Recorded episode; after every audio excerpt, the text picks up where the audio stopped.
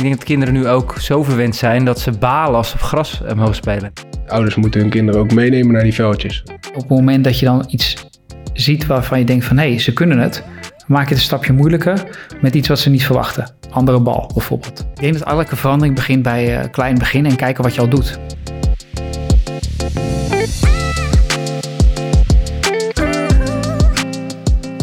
Lieve luisteraars, welkom bij De Jeugd heeft de toekomst. Een podcast van de KNVB over jeugdvoetbal in al haar facetten.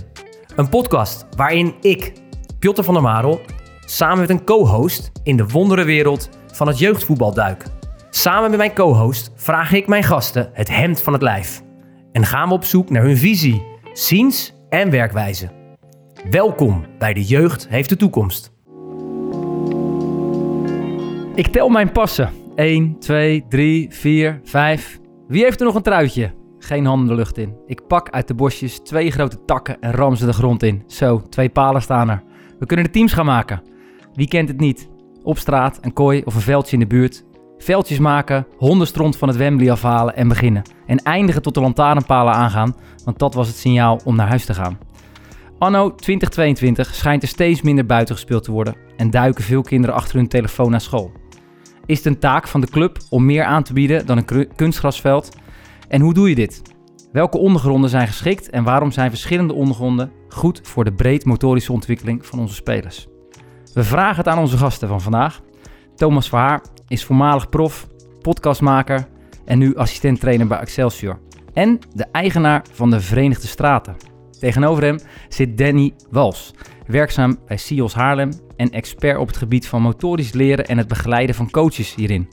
Daarnaast heeft hij een aantal webinars ontwikkeld over differentieel leren. En tegenover mij natuurlijk Nick Veenbrink, mijn vaste sidekick. Welkom, heren. Verenigde Straten. Hoe zijn jullie op die naam gekomen, Thomas?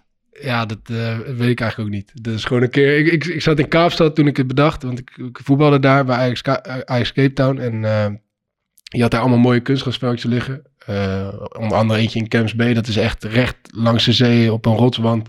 Uh, dus ik zei tegen mijn teamgenoten van, uh, zullen we daar niet een keer gaan voetballen na de training? maar toen bleek dat je dat moest huren. Dus dat je daar niet zomaar kon voetballen. En toen dacht ik van, ja, wat een, wat een luxe hebben we eigenlijk in, in Nederland. Dat op iedere hoek van, van de straat bijna kan je, kan, je gewoon, kan je gewoon een voetbalveldje vinden. en daar hoef je niet voor te betalen. Alleen wordt het bijna niet gebruikt. Uh, en vanuit gewoon mijn eigen ervaring met voetballen en, uh, en voetballen op straat met mijn broertjes, met vrienden. Kijken waar je de beste teams, uh, meeste tegenstand kan vinden. heb ik zoiets bedacht. Top, mooi. Ja. Danny, differentieel leren, ben je daar gespecialiseerd in? Nou, een beetje wel, ja. Vertel. Ik, ik heb um, een aantal jaar geleden een master gedaan en toen moest ik een thesis doen, net zoals iedereen. En toen dacht ik, ja, waar ga ik het nou over houden? En ik vond uh, het heel leuk om aan de slag te gaan met, met spelers beter maken. En toen kwam ik op differentieel leren uit. En dat was een manier van uh, impliciet leren. Zodat je als coach niet zoveel hoeft te doen. Ik dacht, dat is mooi. Alleen het bleek toch iets meer te zijn dan ik van tevoren bedacht had. Nee, uh, differentieel leren, dat, daar heb ik onderzoek naar gedaan. En dat gaat er eigenlijk over dat je heel veel variatie aanmaakt in het leerproces. Um, en dat sprak me heel erg aan, want dan ga je dus de ruimte inrichten in plaats van dat je spelers gaat drillen. Uh, en uh, het feit dat spelers heel veel uh, vrijheid krijgen en elke training anders is, dat vond ik heel mooi om te zien. En dat ja, staat eigenlijk ook een beetje aan bij wat je op straat deed vroeger. Gewoon lekker spelen. En met elke keer is het anders. Mooi. Ja, vandaar. Nick, jouw um, eerste herinnering aan ja, de straat? Nou, ik kreeg kippenvel bij jouw intro, moet ik zeggen. Dank Nog complimenten. Ja, mijn eerste herinnering. Ja, dat is uh, met vriendjes op, uh, op een garage. Eigenlijk, dat was ons doel. En veel tienen. Tienen deden wij vooral, dat weet ik nog. Ja.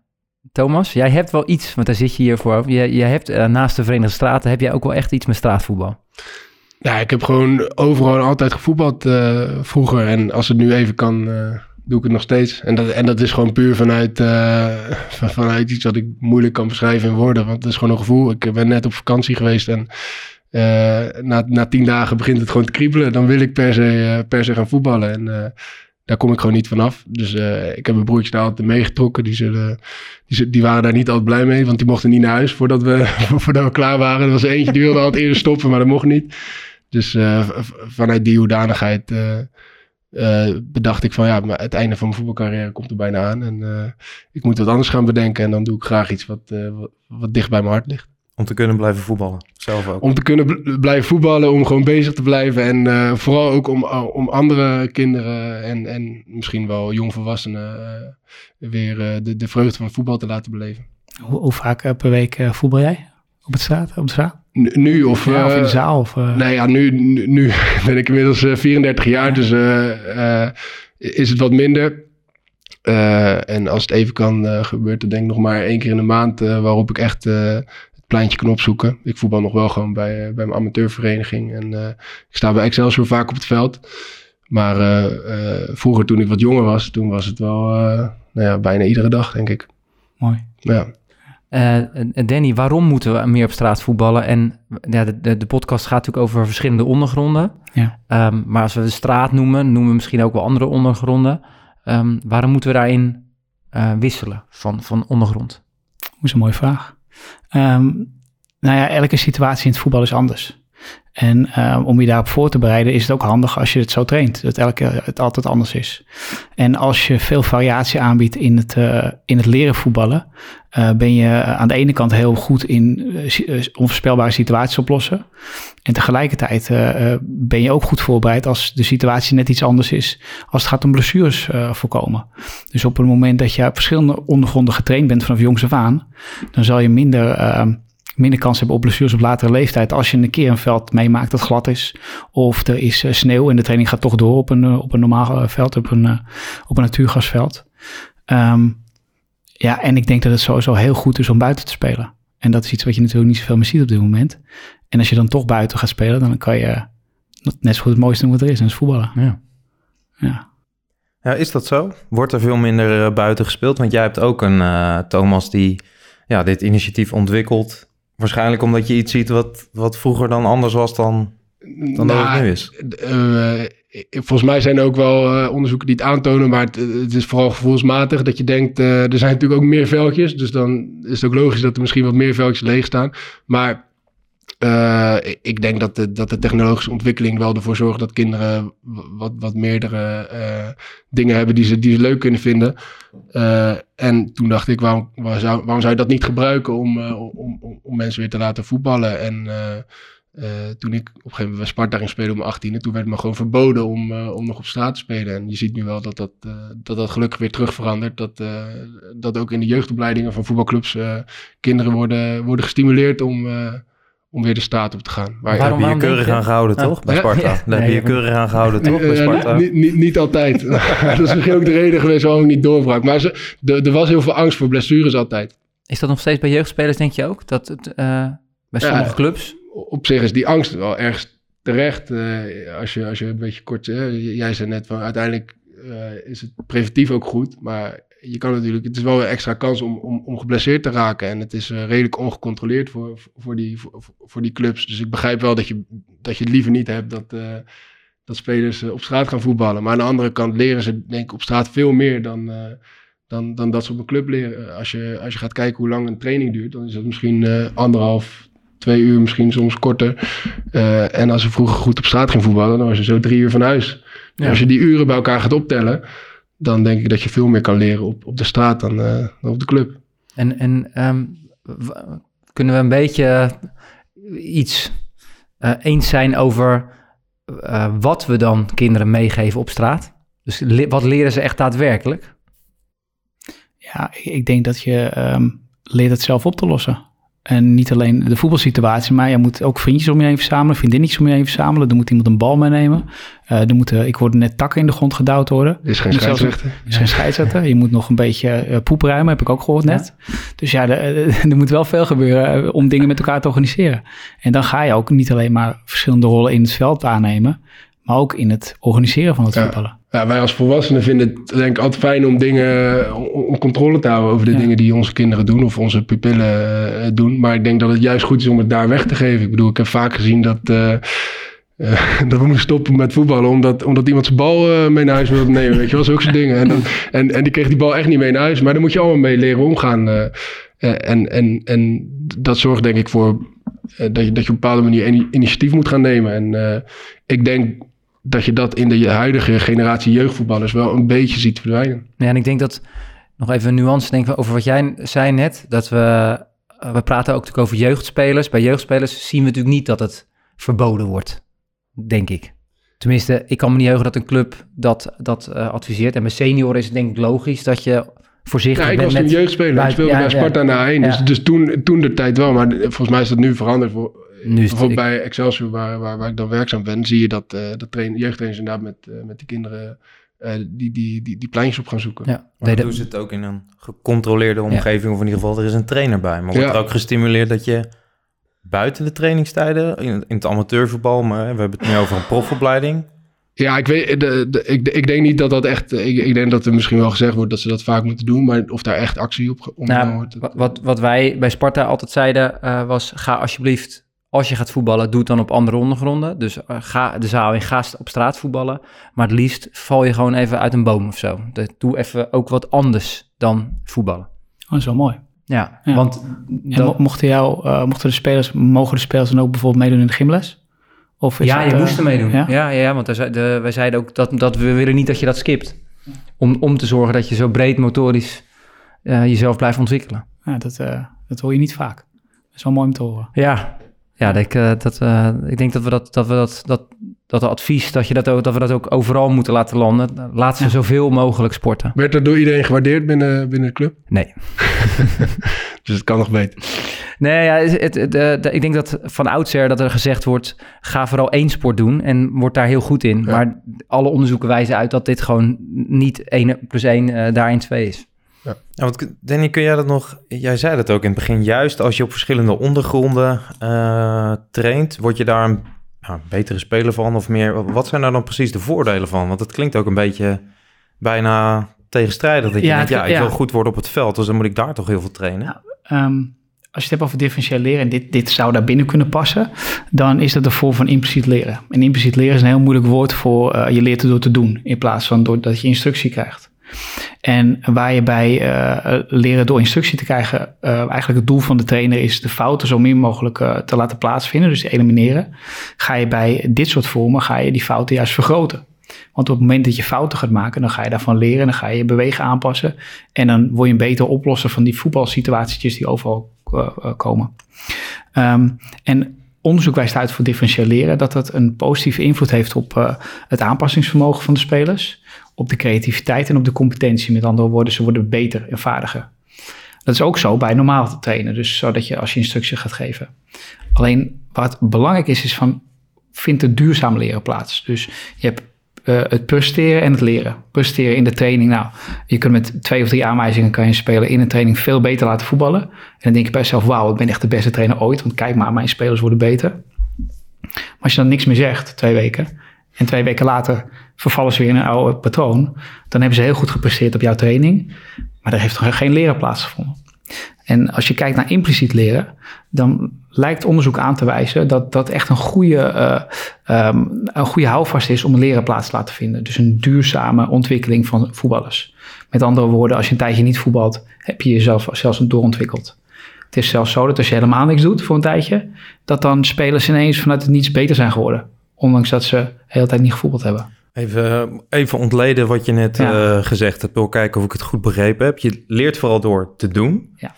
En door de situatie waarin die speler dan komt eh, aan te passen. Bijvoorbeeld de ondergrond. Moet ik me aanpassen. Dus stel dat ik 1 tegen 1 tegen Thomas eh, speel. Wat ik altijd ga verliezen natuurlijk. Maar ik doe dat op een andere ondergrond. Dan moet ik me aanpassen aan wat die bal doet. Aan hoe ik me moet bewegen. En dat zorgt voor een leereffect. Ja, dus je, je, eh, onbewust ben je aan het aanpassen aan wat die bal kan en doet. De ondergrond is anders, dus hij rolt anders. Of je moet je voet net iets anders neerzetten. Ik En beweeg ook anders. Jij beweegt ook ondergrond. anders, ja, want je, de, de demping van de, van de mat. Of eh, stel dat je in het park voetbalt en er zit een kuil in het veld. Of je bent het voetbal op het zand. En dan heb je die, de, de weerstand van het zand dat heel anders is. Daar moet je in aanpassen. En juist omdat je dan op een gegeven moment voelt wat die, wat die beweging kan, merk je dat, de, eh, dat eigenlijk elke beweging anders is. Ja, maar dus maar één keer op een andere ondergrond, dat heeft niet dat, is leuk voor de show. Maar ja, het heeft dat geen, niet het heeft dat geen duurzame nee, effect. Nee. zeg maar. Dus dan zul je moeten gaan kijken, ja, hoe ga je dat nou, Oké. hoe kan je dat nou eh, ehm, vaker laten plaatsvinden?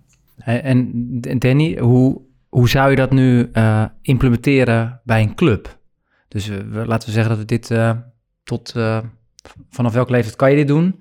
En hoe zou je dit kunnen aanbieden bij clubs? Of hoe kunnen clubs dit uitrollen?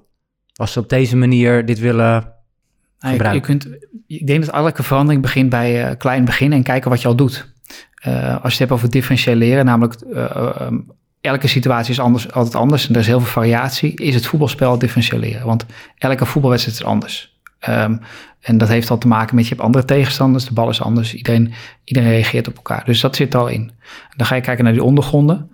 Um, no, sorry dat ik. Dus een, een een voetbalsituatie kan hetzelfde zijn. Uh, ja. Ik ga een 1-2 aan met een, met een medespeler om een, een tegenstander uit te spelen. Ja. Maar die 1-2 die is net wel in elke wedstrijd net iets anders. Want de tegenstander staat misschien net anders opgesteld. Het is net een ander veld dan vorige week. Of, eh, dat, dat is wat je bedoelt. Dus Juist, ja. situaties zijn wel herkenbaar.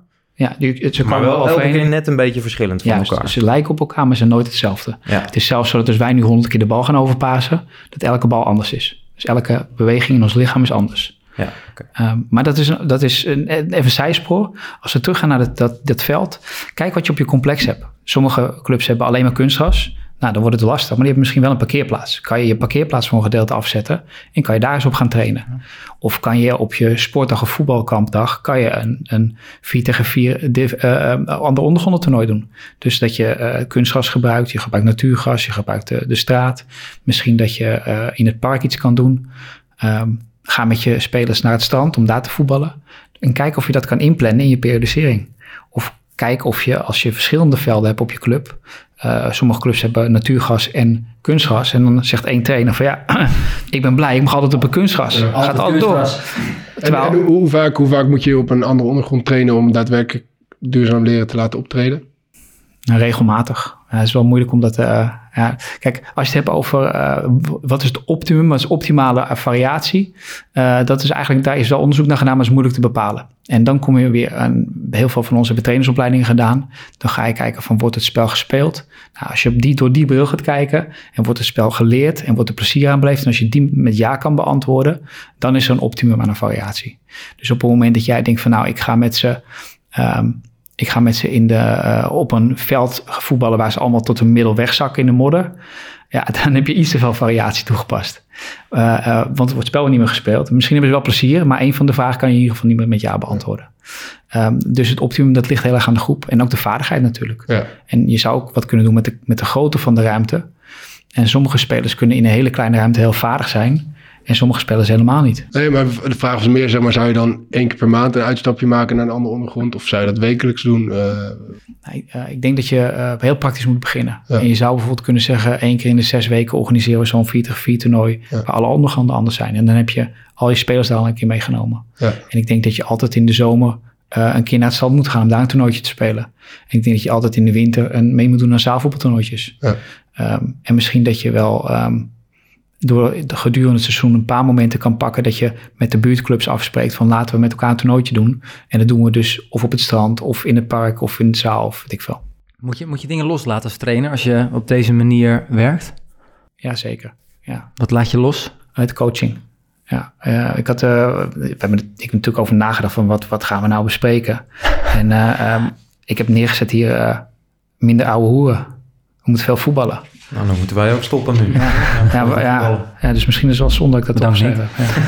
Ja. Nee, als, je, als je vroeger op straat ging voetballen en er waren meerdere dan, meer dan twee teams, dan was dat winnaar blijft staan. En, dan, uh, ja. en, en soms waren er wel acht teams. Ja, dan moet je gewoon zorgen dat je niet verloor. En de trainer gaat natuurlijk niet een team uh, een half uur lang laat, laten wachten. Maar dat gebeurt op straat natuurlijk wel. Als je verliest, dan moet je gewoon wachten. Of je gaat naar huis. Maar dat is ook uh, niet echt een. Uh, en, en als, je dat, als, je dat, dan zou doen bij de club, want dat is natuurlijk de staatsetting waar er geen volwassenen bij zijn. Als je dat zou doen op de club, dan kan je natuurlijk prima kan je voorwaarden creëren dat iedereen blijft voetballen, maar wel de winnaar blijft staan. En als jij de parkeerplaats... Ja, maar, maar, maar toch, maar toch doet het iets anders met je. omdat, je omdat als, je, als je verliest en je moet een half uur wachten... dan komt ook wel iets meer druk zeg maar, bij op het moment dat je wel speelt. Dus, en, en dat maakt het wel interessanter. En dus, dus, hoe zou je dat dan faciliteren? Als je, want dat is op de straat, hè? maar kan je zoiets ook in je training doen? Nee, eh, niet. Nee? Ik, zou juist gewoon zeggen, uh, proberen, kinderen proberen uit te dagen om zelf te gaan voetballen. Zonder, zonder trainen of zonder ogen van de trainer überhaupt al. Want dat doet al denk ik veel met... Uh, dus dit moeten we niet willen organiseren eigenlijk?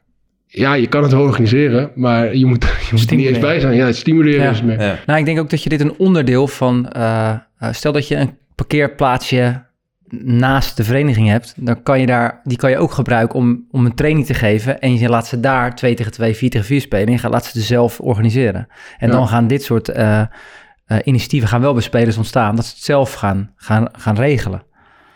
En wat, wat zijn dan hier precies de voordelen van? Uh, waarom, waarom zouden we op verschillende ondergronden dat moeten doen? Dus ik hoor net, ja, je leert je aanpassen. Word ja. ik er dan een betere speler door? De blessurepreventie viel al even. Kun, kunnen we die nog aanstippen? Wat, wat bereiken we hiermee?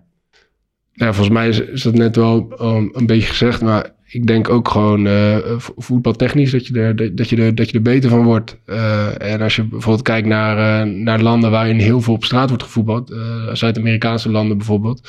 Nederland wordt altijd geroemd om de, om de mooie infrastructuur, dus de, de competitieindeling. En dat, dat dat ervoor zorgt dat wij als klein landje ons kunnen meten met de grote. Als je bijvoorbeeld kijkt naar, uh, naar Argentinië, Brazilië, daar heb je natuurlijk die infrastructuur is daar veel, veel minder. Maar die hebben wel altijd een bepaald type voetballers die en heel technisch zijn en tegelijkertijd ook voetballen alsof hun leven ervan van afhangt. En dat heeft gewoon volgens mij te maken met, met de cultuur die daar op straat is ontstaan of op, de, in, ja, op, eh, op, op het zand. Uh, het is maar net hoe je het wil zien. Dus ik denk, ik denk dat, je, dat je eigenlijk alle facetten van het voetbal wel, wel leert. En, ja. uh, en dus er gelden los van die andere ondergrond, waardoor je je vaardigheden op een andere manier aanleert, gelden dus ook andere regels. Ik hoor jou dat al een ja. aantal keer zeggen. Dit, dat, dat sprak jou ook heel erg uh, aan. Beetje die do or die uh, mentaliteit. Ja, nou, ik, ik, kom niet per se uit een buurt waarin, dat, waar, waar, waar, waarin die cultuur erg heerste. Maar ik heb wel veel gevoetbald in buurten waar dat wel zo was. En, en daar heb ik veel van geleerd. En naast het feit dat uh, ik, ik, ben opgegroeid in een uh, redelijk witte, witte buurt en heb altijd op witte scholen gezeten totdat ik op de middelbare school kwam. Maar uh, dat voetbal op straat heeft er ook voor gezorgd dat ik met iedereen goed op kan schieten. Dus met, met mensen die lid zijn van een studentenvereniging kan ik goed opschieten. Maar ook met mensen die al heel hun leven niet van de straat zijn gekomen kan ik goed opschieten. En dat is denk ik ook iets wat... wat je daar leert. Ja, ja. ja. En het gaat verder dan alleen maar beter. Wat je met je bal ja. kan doen. Ja.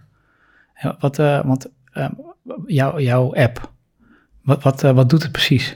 Nou, de, het is bij mij ontstaan vanuit het feit dat ik altijd met mijn broers een team vormde en dan probeerde om andere teams uit te dagen. Dus ik dacht, het zou mooi zijn als je uh, gewoon een, een kaartje hebt waarop je kan zien waar je precies kan voetballen, hoe die veldjes eruit zien. Uh, wat... En waar je jou en je broers kan treffen. Dan. Ja, ja. Dat, dat, dat, nog niet precies, maar waarop je, je, je eigen team kan maken en vervolgens een ander team kan uitdagen. En, en dat kan dan gewoon in een directe wedstrijd waarin je team tegen team speelt of een, een, een winnerstace evenementje wat je aan kan maken waarin je meerdere teams kan, kan uitdagen. Nou, die app is nog niet perfect, maar hij is wel functioneel. Dus je kan winnaar blijven staan toernooitje spelen. Dus je, ik kan andere captains van teams uitdagen en, en vervolgens een, winnaar blijven staan toernooi spelen. Op een veldje waar, wat ik zelf wil in Rotterdam. En de bedoeling is eigenlijk dat het een soort van sociaal platformpje wordt waarop je kan laten zien in welk team je speelt, uh, tegen wie je hebt gespeeld. Uh, je kan natuurlijk in meerdere teams spelen, uh, welke resultaten je hebt gehaald. en, en, en waarop je kan inschrijven op andere e-, evenementjes. En draait het al? Ja, het draait al, ja. Dus we, we, zijn nu sinds eigenlijk deze zomer begonnen. En je merkt dat het veel reuring creëert en dat het hier en daar gebruikt wordt. Alleen ja, de, de, de, de ontwikkeling van zo'n app die begint altijd bij een minimale versie. En dan ga je eigenlijk op basis van behoeften ga je kijken hoe je, hoe je verder komt. Dus daar zijn, we nu, uh, daar zijn we nu mee bezig. Dus als wij nu de app pakken en we gaan uh, wij zoomen in op Rotterdam, dan kunnen wij ja, dan, dan zie je, kijken wie er online zijn. Dan kan je zien op welke, langs welke veldjes ik op mijn scootertje allemaal langs ben geweest om, om foto's te maken van die veldjes. Dus je, je, kan, je kan zien welke velden er allemaal zijn. En je kan je eigen team maken, uh, mensen uitnodigen via WhatsApp voor jouw team. En vervolgens uh, uh, kan je met jouw team andere teams uitdagen. Kan je dan ook koning van het veld zijn? Ja, dus, als je, dus, dus, als je zo'n winnaar blijft staan toernooi speelt, ja. dan, dan, dan, dan, heb je gewoon een, een, ranking waarop je ziet zeg maar, wat de uitslagen zijn van die wedstrijd. En inderdaad, per veldje kan je zien wie het meest heeft gespeeld en wie het ja. meest heeft gewonnen. Mooi. Ja, dus het zou nog iets meer gebruikt mogen worden, maar dat, daar zijn we hard mee bezig. Vet. Leuk. Um, nog even terug naar, naar het, uh, het differentieel leren. Um, zijn, is het alleen ondergrond eigenlijk? Of kan je andere elementen als trainer veranderen?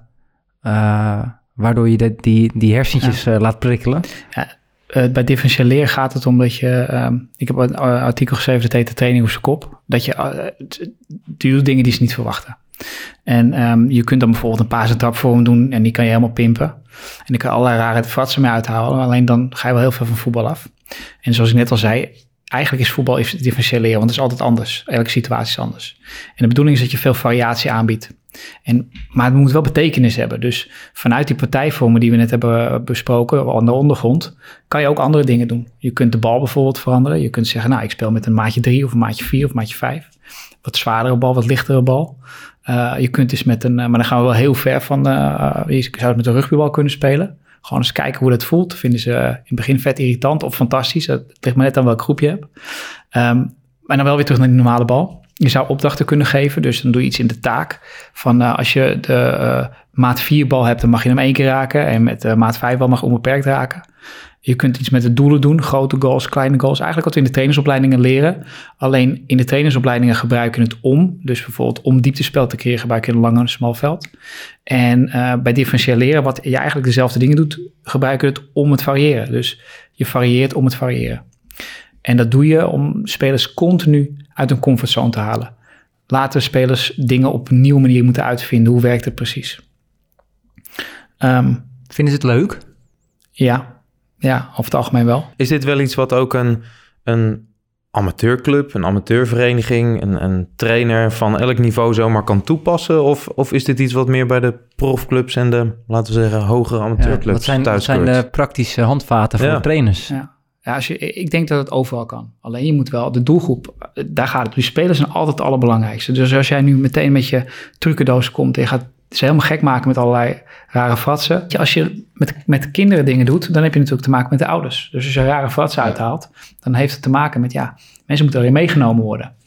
Maar als je morgen wil beginnen, begin eens met andere ballen. Dus bij de onder 13 gebruiken ze uh, uh, wat zwaardere ballen. Niet continu, want we hebben niet voor niets die, die, eh, die, die ballen die ze, die ze in de leescategorie gebruiken. Gebruiken ze wat lichtere ballen.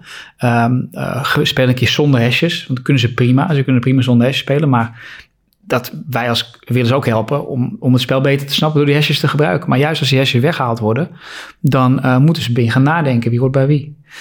Die, die, ondergronden kan je natuurlijk doen. Je kunt ook zeggen, ik leg in het veld allemaal van die uh, pionnen op zijn op kant ja, over een pion kan je niet heen pasen. Je kan er wel overheen pasen, maar je kunt er niet tegenaan pasen. Dus dan moet je al anders gaan vrijlopen.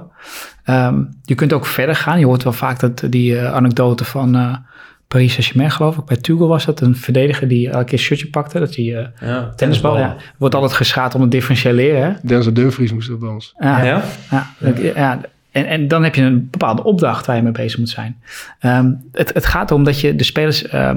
je, moet, je moet de training op zijn kop zetten. Maar het belangrijkste is wel dat de essentie zeg maar hetzelfde blijft. Dus dat het wel gewoon uh, voetbal blijft en, Juist, en dat ja. het spel blijft. Maar ja. dat je de, uh, de, dat je een aantal dingen verandert waardoor het misschien moeilijker wordt of anders. Ja, het wordt geen circus act met. Uh, nee, dat inderdaad. En, en, dan buiten het feit dat je dan niet meer bezig bent waar, met waarvoor je op het veld staat, namelijk spelers beter leren voetballen. heb je ook nog te maken met, met de mensen om het veld heen die er iets van vinden. En misschien heel terecht. Want ik kan me voorstellen dat als jij zat te kijken en je denkt, nou, ik heb niet echt het idee dat mijn kinderen daardoor beter gaan voetballen. Dat je ook al die vragen mag stellen. En dan moet je als trainer wel antwoord kunnen geven. Ja. Uh, Thomas, jij hebt uh, veel gezaalvoetbald. Ja. Dus nog samen met Nick, Side Nick. Ja, um, zeker. Uh, wa, um, er was een, een, ontzettend mooie periode in, wat was het, wanneer was het WK of EK hier in Nederland? Was dat februari, dat, het net nog, dat er net nog wat publiek bij mocht? Dan begon het, het begon een beetje te bruisen. Uh, daarna ook misschien wel weer weg. Uh, hoe kunnen we dat, uh, je dat bedoelt het voetbal, zaalvoetbal? het zaalvoetbal, hoe kunnen we dat nog meer podium geven? Ja, je, je, ziet volgens mij dat er, dat er wel wat initiatieven zijn waarin veldvoetbalclubs zaalvoetbal een beetje proberen te integreren in hun eigen, in hun eigen beleid. Maar dat dat heel moeilijk van de grond komt. Dat is volgens mij al jaren zijn ze daarmee bezig. Ehm, en ik zou eigenlijk niet weten hoe je als club uh, ervoor kan zorgen dat er meer mensen gaan zaalvoetballen. Ja. Ik, ik, ik, denk altijd wel dat uh, uh, het, het, is een ander spelletje, terwijl het eigenlijk wel dezelfde grondprincipes heeft. maar ik, ik ben het ook pas gaan doen toen ik, toen ik ging studeren. En, en waar, wat heb jij, waardoor word je een betere voetballer als je in de zaal voetbalt? Welk stukje is dat? Is het alleen techniek? Uh, nee, in, in, de zaal moet je alles doen. Dus, dus je moet zowel aanvallen als verdedigen. En ik heb daar beter leren verdedigen. Heel veel mensen die me een beetje hebben zien voetballen bij Sparta, die zullen, die zullen nu denken van wat lult hij nou? Maar, maar ik heb daar echt leren verdedigen.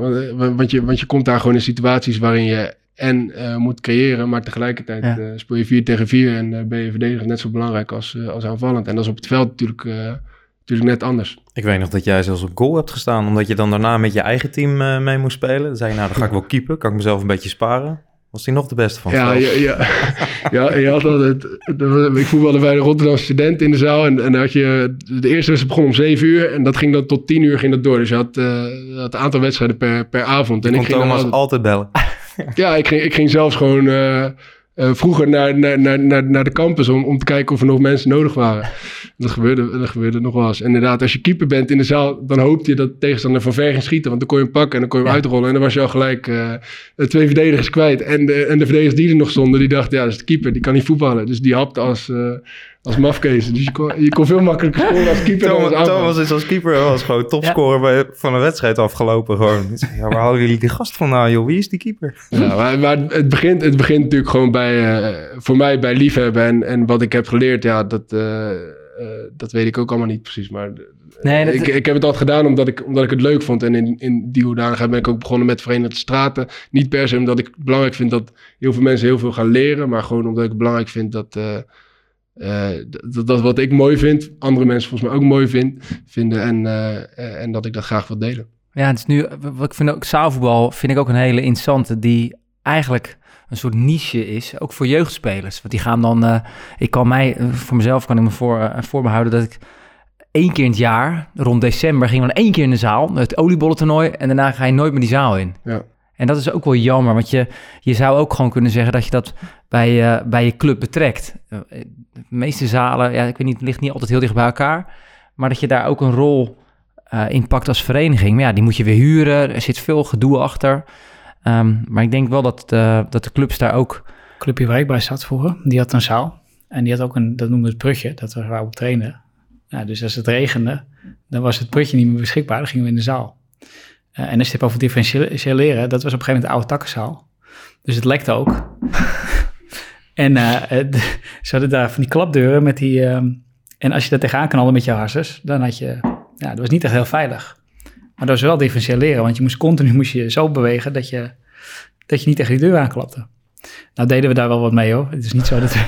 we hebben niet over de jaren dertig, maar... Um, juist, wij spelen dus... Wij trainen dus best wel vaak in die zaal. En we trainen heel vaak op dat prutje. En als we een keer op het gras konden trainen, waren we super blij. En we, we smeekten om een kunstgrasveld. En nu is het andersom.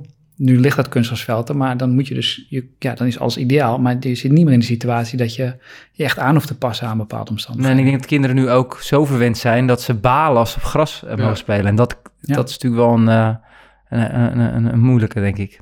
Want daardoor leren ze dus niet meer om te schakelen. Ja, maar dat is ook een stukje opvoeding. Dus op het moment dat jij bij de club dat vanaf jongs af aan altijd al doet... en het zit gewoon in het systeem... en je wisselt daarmee... dan ben ik echt van overtuigd dat dat balen dat je op normaal gas moet... een week of vier duurt en dan... Ja, dat is waar. Dat is waar. Gelijk in. Ik heb een... Um, we hebben altijd een, rubriekje waar we iemand aan het woord laten. Ik heb uh, nu een uh, quote uh, van, van onze nummer 14. straatvoetbal is heel oud... maar ze zijn er op een heleboel manier omheen gaan fietsen... Ze zijn het gaan organiseren. Ik zou het willen terugbrengen naar wat het was, zo sprak Cruijff. Hij zei dat uh, een van de belangrijkste dingen van straatvoetbal het leren kijken is. Er is nog nooit iemand tegen een lantaarnpaal gelopen of gestruikeld over een stoeprand of een tramrail. Na het kijken kun je gaan voetballen. Die praktijkervaring op straat is de allerbeste ontwikkeling. Je leert spelende wijs, vertelde El Salvador die naar eigen zeggen vroeger veel profijt had gehad van het voetbal op straat. Ik was klein, niet iemand die het van het fysiek moest hebben of van het harde lopen. Op straat bouw je techniek, overzicht, conditie, karakter en intuïtie op. Voetbal moet je lachen doen. Ja, dat spreekt tot de verbeelding, toch? Ja, volgens mij hebben we gewoon net voor lucht zitten praten. Want ja. dat is precies wat we hebben gezegd. Ja, ik, uh, dit vond ik ook een hele mooie. Ja, heerlijk. Uh, missen wij dingen in, het, in, het stra in de straat die we echt wel meer moeten gaan toepassen op het veld als trainers zijn, Thomas? Nee, ik, ik, denk dat je dat juist... Uh, ja, het zal ongetwijfeld zijn dat er wat mis op het veld... maar ik denk dat je juist de straat de straat moet laten. En, en, en wat hij zegt, dat ga je niet kunnen, kunnen transporteren naar, naar, naar een omgeving zoals een voetbalclub... waarin alles georganiseerd gebeurt. Volgens mij is de kern ook dat juist niet georganiseerd moet worden... en dat het vanuit de kinderen uh, zelf moet, uh, moet gebeuren. Dus je moet stimuleren, je moet uitdagen... je moet op een bepaalde manier inspireren om, om ervoor te zorgen dat die kinderen het mooi vinden. En iedere keer zeggen dat ze het moeten doen, gaat er niet voor zorgen dat er, dat er meer kinderen het veld op gaan. Nee, dit, dit herken ik ook wel. Dus je probeert heel erg te stimuleren dat ze naar buiten gaan, dat ze gaan spelen. Maar ik denk ook wel dat je ze mee moet nemen naar de, naar de straat. Alleen dat is ook wel weer als trainer dat je los moet laten van dat je invloed hebt op die training. En bij jonge kinderen, in mijn beleving maakt het niet uit. Neem ze mee en ga naar een veldje toe. Of naar, naar een parkeerplaats. Jij zegt, laat ze het zien waar ze kunnen voetballen. Ja, dus als je niet weet waar je kunt voetballen, dan... Ja. ja. En want het is best wel moeilijk, want we zeggen allemaal van ze moeten het zelf gaan doen. Maar wie laat ze dan zien wat ze moeten doen?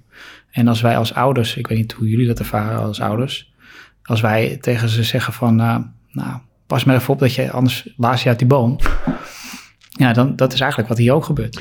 ja, ik, ik, denk dat er best wel ook een grote rol voor ouders inderdaad uh, weggelegd is. Uh, ik denk dat het daar ook begint. Ouders moeten hun kinderen ook meenemen naar die veldjes. En dat, dat gebeurt misschien ook minder. Denk ik. Uh, en dat is misschien wel waar het, waar, waar, waar, het begint. Ja. Want als ik, daar is ook nog niet echt over nagedacht. Maar als ik terugdenk aan hoe ik ooit ben begonnen, was het natuurlijk altijd met, met mijn vader erbij. En dan gingen we langs, langs heel de buurt. Dan trommelde iedereen op en dan gingen we voetballen met z'n allen. Dus inderdaad, daar begint het misschien wel. En vanuit daar moeten kinderen het zelf gaan doen. Ik, ik las, hoorde van de week um, een verhaal en diegene zei van um, je, moet het, je moet je kinderen wel inspireren. Dus als jij wil dat je kinderen gaan bewegen, zal je zelf ook moeten bewegen. En zal je zelf ook mee moeten nemen naar buiten. Um, en ik denk dat daar wel een grote kern zit, maar ja, dat is niet altijd even makkelijk. Er zullen een hoop ouders zijn die dat moeilijk vinden om het vorm te geven. Dit moeten we ze leren. En ik denk ook dat de clubs uh, onze vorige podcast ging over interne voetbalscholen. Ik denk dat eh, clubs ook op de parkeerplaats die op vrijdag niet gebruikt wordt, dat ze daar ook kunnen gaan straatvoetballen. En dat je het dus ook echt wel kan organiseren binnen die vereniging als je het belangrijk vindt. Ja, bij, uh, heb ik het echt over twintig jaar geleden. Daar moest altijd zand op de velden komen. En aan het eind van het jaar werd die, die, uh, die kubieke meter zand werden op het, op het veld gegooid. En die werden allemaal uitgerold naar de beachvoetbaltoernooi. En, dan, uh, en op het moment dat we uitgevoetbald waren, werd het zand allemaal gedistribueerd. Dus op die manier kan je natuurlijk ook dingen faciliteren op je club. Ja. Als je het toch nodig hebt. Ja. En we hebben het nu eigenlijk over twee dingen. Enerzijds is hoe kunnen we zorgen dat kinderen meer ongeorganiseerd kunnen, kunnen voetballen. Gewoon de straat op. Een beetje autonomie teruggeven, eigen regels bedenken. Uh, zelf dat spelletje weer organiseren. Blijkbaar concluderen we ook dat we daar nog wel in moeten stimuleren, want het gebeurt dan te weinig. En de andere kant is hoe kunnen we op de vereniging andere vormen of in ieder geval variatie in het uh, leren voetballen aanbrengen door bijvoorbeeld andere ondergronden uh, te doen. Maar is het aan de vereniging, en want dat, daar, die kant lijkt het wel op te gaan, is het aan de vereniging om ook die ongeorganiseerde kant op te pakken?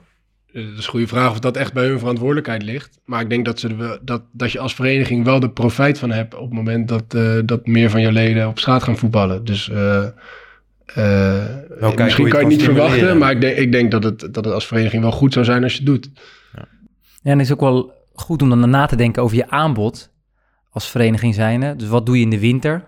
Kan je ook de zaal in? ja, gebruik het dan ook. En in de zomer, uh, ja, of, of uh, de strand op, of zo'n beachveldje waar je, wat je overal misschien wel ergens hebt. En dat je dat ook in je aanbod meeneemt voor, voor alle kinderen. Ja, of ga dus naar de wijken waar die kinderen vandaan komen, naar de voetbalkooi, het grasveldje, uh, wat het dan ook is. Kan je als club daar op woensdagmiddag staan met de grote vlag van je club en die twee van je beste trainers en ga je daar zeggen, jongens, laten we een partijtje spelen. Wie doet er mee? En volgende week of, je, of, of, je doet het gewoon sub, subtieler. Je, je wijst gewoon mensen aan, bijvoorbeeld jeugdleden, die andere jeugdleden uh, mee moeten gaan nemen. En, uh, en je geeft ze gewoon eigenlijk een opdracht om, uh, om, om toernooitjes te organiseren. In plaats van dat je zelf weer als trainer ja. bij gaat staan. Ik, denk, ik, denk, ik, ik, denk oprecht dat je als trainer daar zo ver mogelijk bij vandaan moet blijven. Of je moet meevoetballen. Ja, dat dan. Hè? Dus, dat je, dus dat, dat je gelijkwaardig bent. En dat er geen speler-coach relatie meer, meer is. Ik denk dat hier ook nog wel heel veel voorbeelden buiten voetbalverenigingen zijn. Dus ja, als je daarin geïnteresseerd bent, ga eens met buurtsportcoaches bijvoorbeeld in gesprek. Maar ik ken ook wel heel veel voorbeelden van initiatieven waar ze jongeren proberen aan te sporen om verantwoordelijkheid te nemen voor een plek. Uh, een speelveldje waar nog niks is. Nog geen basket, nog geen doeltje, nog niks wat dan ook. Maar dat dat wel een plek is die zij zich min of meer toe-eigenen. Uh, waar ze zich eigenaar van voelen op een bepaalde manier. En dat dat hun plek wordt waar ze gaan, gaan uh, spelen. Dus weer terug naar die ja, dat, dat plekje waar ik altijd naartoe kan. Want er zijn altijd wel kinderen waar ik, of andere jongeren waar ik dan kan, kan spelen. Maar dat hoeft niet altijd bij de vereniging te liggen, denk ik. Nee. Nou ja, de, de, de, de buurtsportcoach bijvoorbeeld, is eigenlijk hetzelfde. Ik vind het hartstikke mooi dat het gebeurt en, en, en uh, ik ben er een groot fan van. Maar tegelijkertijd is het wel weer een vorm van organiseren. En, en, en en, en daar ben ik dan minder groot fan van. Dus ik denk dat je juist voor moet zorgen. En dat doen de meeste buurtsportcoaches ook. Dat je uh, stimuleert. In, in, dat uurtje waarin je met een buurtsportcoach sport. Dat je ervoor zorgt dat kinderen leren om vervolgens zelfstandig uh, te gaan sporten met elkaar. Ja. Mooi hè? Mooi om mee af te sluiten. Uh, we leren het ze zelf doen. Danny, heb jij nog een tip? We sluiten altijd af met een rondje tips. Ja, nou ja, ik zei het net al, minder ouwe hoeren, meer voetballen. En dat doe je, ja, dus zorg ervoor dat je die veldjes klaar zet en richt elk veldje anders in en laat ze spelen. Nee. Ik zou zeggen, zoek een samenwerking met een uh, zaalvoetbalvereniging in de buurt. En zie elkaar niet als bedreiging, maar kijk hoe je elkaar kan versterken. Ik heb meer uh, tip op individueel niveau. Ik, uh, ik, ik ben net teruggekomen van vakantie en uh, toevallig mensen tegenkomen die daar gingen voetballen. En, en met, met mensen die ik nog nooit eerder had gezien, toch twee uur lang doorgebracht op een voetbalveldje. En ik wil mensen aanraden om waar ze dan ook zijn, of het in Nederland is, of als je even wat tijd over hebt, trek je, trek je zaalvoetbalschoenen aan of je straatvoetbalschoenen aan. En, en, en nou, de stoute schoenen aan vooral. En, en, en, ga gewoon meedoen. Vraag of je mee kan doen met mensen die je totaal niet kent. Het is een hele makkelijke manier om nieuwe mensen te leren kennen en om gewoon te doen met elkaar uh, wat je het mooiste vindt. Leuk, dankjewel. Wilt er uh, nog? Ja, mijn tip zit in, uh, in, in probeer iets uit binnen differentieel leren en het, de andere ondergronden. Dus ga dat ook gewoon, ja, ga het gewoon proberen. En ook weer, waar we het ook vaak in deze podcast over gehad hebben, treed ook weer buiten de kaders van we, we, we, we, denken kinderen ook echt iets te kunnen leren, maar laat het ook gewoon los. En, en ja, organiseer een echt een hele vette vorm waar eigenlijk alles in zit. En stap één uh, stapje terug. Mooi. Dankjewel, heren. Dankjewel. Jij ja, bedankt. Beste luisteraars, ik wil jullie danken voor het luisteren naar deze podcast. Wat neem je mee naar je eigen voetbalsituatie? Wat zou je totaal anders doen? Hebben we je stof tot nadenken gegeven? Heb je nog vragen of opmerkingen? We zijn altijd op zoek naar thema's die spelen bij jouw club. Laat het ons weten en mail dit naar voetbalontwikkeling.kvb.nl.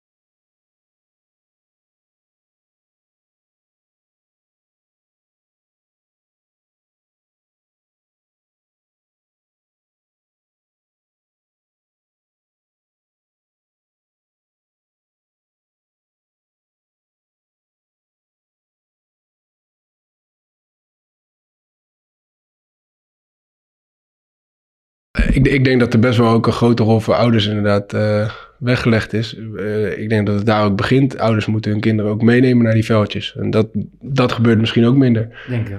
Uh, en dat is misschien wel waar het, waar, waar, waar het begint. Ja. Want als ik, daar is ook nog niet echt over nagedacht. Maar als ik terugdenk aan hoe ik ooit ben begonnen, was het natuurlijk altijd met, met mijn vader erbij.